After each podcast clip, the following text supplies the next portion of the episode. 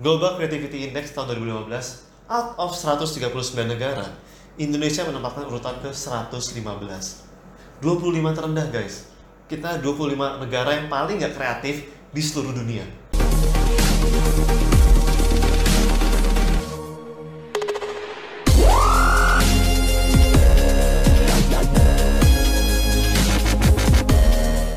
Kita kayak suka banget nih ya sama yang namanya konsep produktif. Kita bikin nih to-do list yang banyak, as many as possible karena makin banyak itu kayak makin keren gitu ya.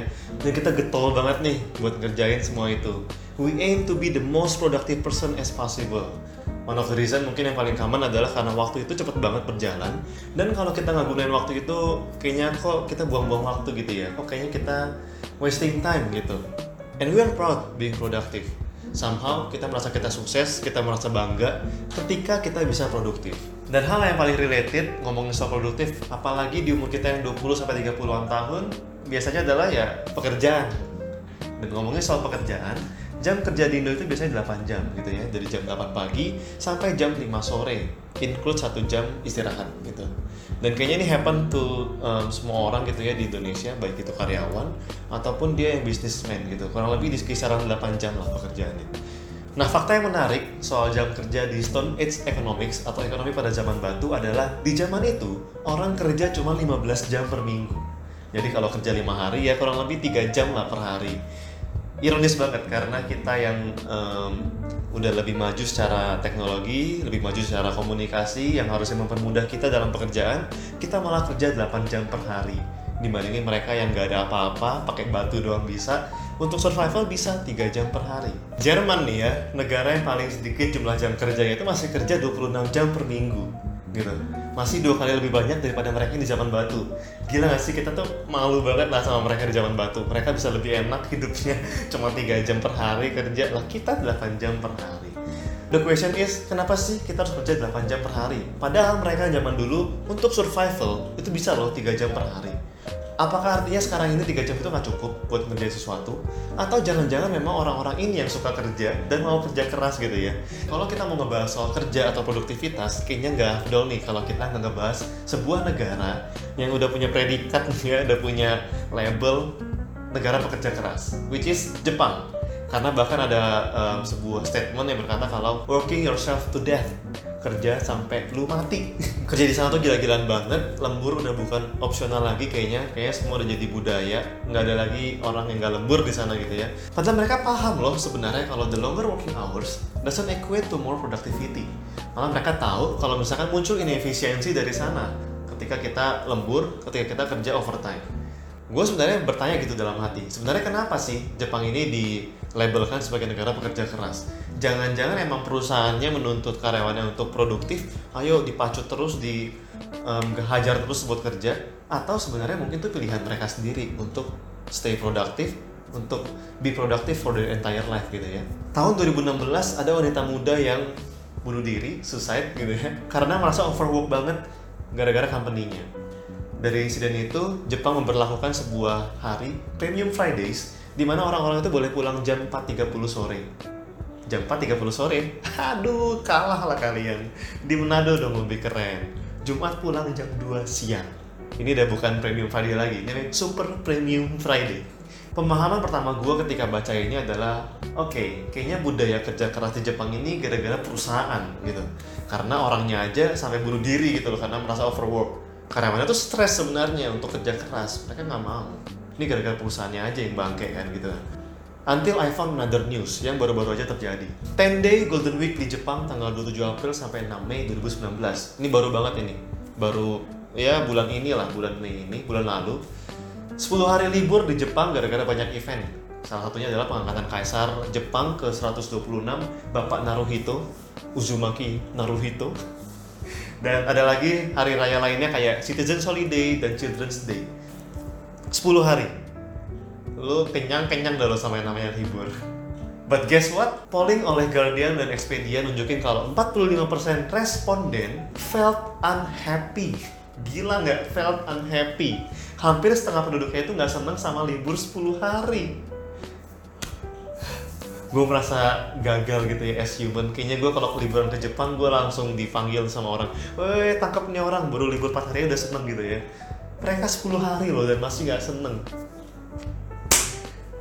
Alasannya apa?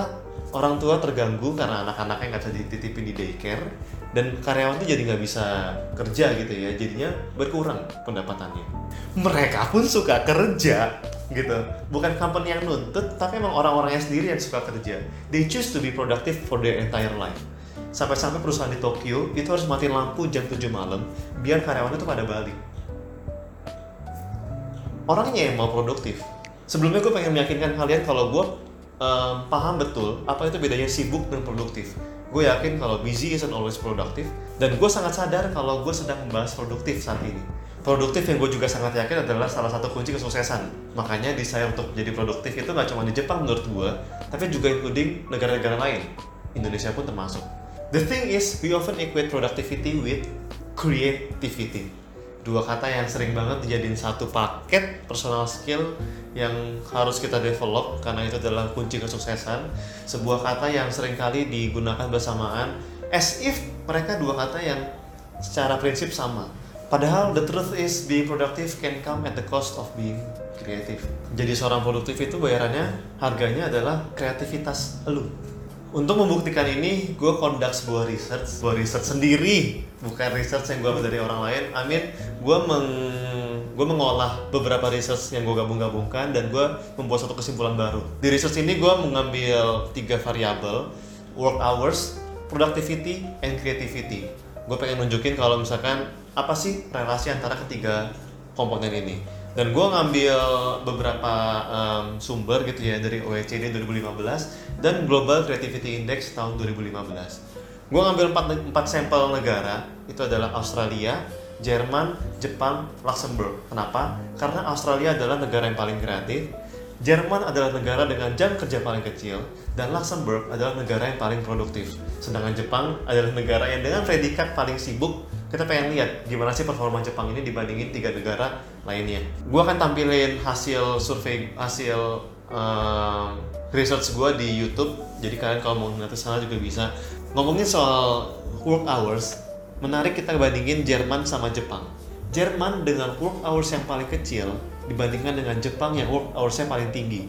Ternyata Jerman punya produktivitas dan kreativitas yang dua-duanya jauh lebih tinggi dibandingin Jepang hmm, kasihan pur Jepang dia yang paling capek, dia yang paling banyak kerjanya, dia yang paling sering lembur, tapi dia yang paling kecil produktivitasnya. Artinya, gue pengen nunjukin kalau uh, kesibukan lu, work hours lu di sini nggak akan nentuin tingkat kreativitasan lu dan tingkat produktivitas lu. Artinya kita hilangkanlah si Jepang ini, karena Jepang yang paling tinggi jam kerjanya, toh juga nggak menghasilkan apa-apa, both di productivity and creativity. Kita lihat sih gimana sih tiga negara ini, Australia, Jerman, dan Luxembourg dan ternyata Australia si negara yang paling kreatif itu paling tidak produktif dibandingkan dua negara lainnya. Dan Luxembourg negara yang paling produktif itu juga paling tidak kreatif dibandingkan dua negara lainnya. Dan Jerman itu tengah-tengah. Somehow berkata kalau creativity itu berlawanan berkebalikan berbanding terbalik dengan productivity. Kalau lu mau jadi produktif lu somehow harus menghilangkan kreativitas lu atau menurunkan kreativitas lu lu mau jadi kreatif? Oke. Okay. lu nggak bisa produktif maksimal. Productivity lu akan terhambat akan mentok di segitu-segitu aja. Nggak bisa tinggi-tinggi banget. Karena fokus lu adalah kreatif. You have to choose creativity at its best or productivity at its best. Because when productivity is concerning more on doing creativity concerns more on thinking. Ketika produktif ngomongin gimana cara kita ngisi banyak kegiatan di waktu kita kreatif ngomongin gimana cara kita ngosongin kegiatan-kegiatan dari waktu kita. Ketika produktif ngomongin gimana kita get things done asap as soon as possible. Kreatif ngomongin gimana cara kita get things done elap as late as possible. Gue punya spesial episode ngomongin soal ini karena ini pembahasan yang lumayan sangat panjang. Tapi intinya adalah perbedaan antara kreativitas dan produktivitas adalah ketakutan, fear. Sedikit ngomongin ke zaman batu lagi, again zaman batu karena menarik lah di sana orang-orang zaman batu itu gampang banget kalau mau mati gitu ya. Hidup di alam terbuka alam liar banyak hewan buas. Ya gue yakin lah most of them itu kayaknya insomnia gitu ya karena takut mau tidur parnoan gitu ya. Kalau mau tidur mikirnya udah aneh-aneh. Anjir nih ada singa ada ular nih tiba-tiba bunuh gua. Dan mati lah gua langsung kan. Dan bertahun-tahun hidup kayak gitu mereka secara nggak sadar e, membuat sebuah sistem ketakutan. Sistem of fear di dalam otak mereka. The good news is kita sekarang ini udah gak hidup di zaman itu ya. Kita udah gak lagi hidup di alam terbuka banyak hewan liar. Hidup kita udah aman gitu ya banyak mall-mall banyak satpam yang jagain kita. Ya paling hewan yang sering ganggu kita ya adalah anjing gitu ya. Literally anjing atau anjing dalam bentuk manusia.